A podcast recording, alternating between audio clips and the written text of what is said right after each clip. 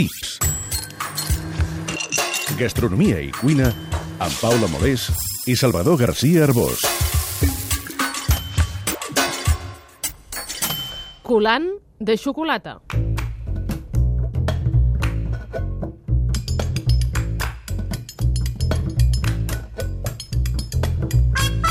El culant o xocolà té la meva edat. Tots dos vam néixer el 1981. Ja té una certa edat, però està molt bé. Aquest bescuit calent, farcit de xocolata desfeta, va ser inventat, patentat i popularitzat pel cuiner francès Michel Bra, de la Iol. Ha estat copiat o versionat per tothom, dels restaurants a les pastisseries, a les cafeteries i als bars de platja. El culant ha passat a ser un concepte de la cuina moderna, siga de praliner d'avellanes, de tinta de calamar, de menta o de cireres. En una entrevista amb Bràs ens va asseverar que no li sap greu haver estat copiat, sinó que és un honor. El gran xef francès reconeixia que l'experiència de la creació d'aquestes postres i tota la seva història li pertanyen a ell i ja és suficient. És la prova de la ridiculesa de molts cuiners i pastissers de la vella escola a mantenir les suposades fórmules magistrals en permanent secret. El biscuit de xocolat colant o els aromes de cacau és una de les mil evidències per fer callar tots aquells saberuts amb idees pròpies que tenen els restaurants a tres estrelles de dedicar-se a fer collonades. És la prova que la cuina creativa ha fet grans aportacions a la història de la cuina i de la humanitat.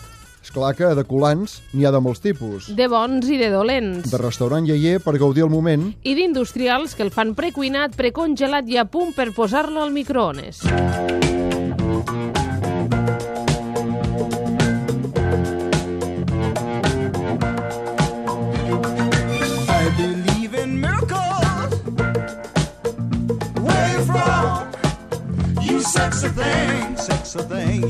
La persona que va inventar l'expressió food porn devia estar pensant en el moment en què la cullereta rebenta el culant i la xocolata desfeta, sexy, cau en cascada pel plat. el colant pot ser embafós o una delícia. Per això, fins i tot, sent una obra mestra, al final d'un àpat generós s'agraeix si va acompanyat d'algun element que compensa. A les primeres receptes de braç llegim que duia gelat de doble nata o fins i tot un xarop de xocolata al mentolat te d'obrac.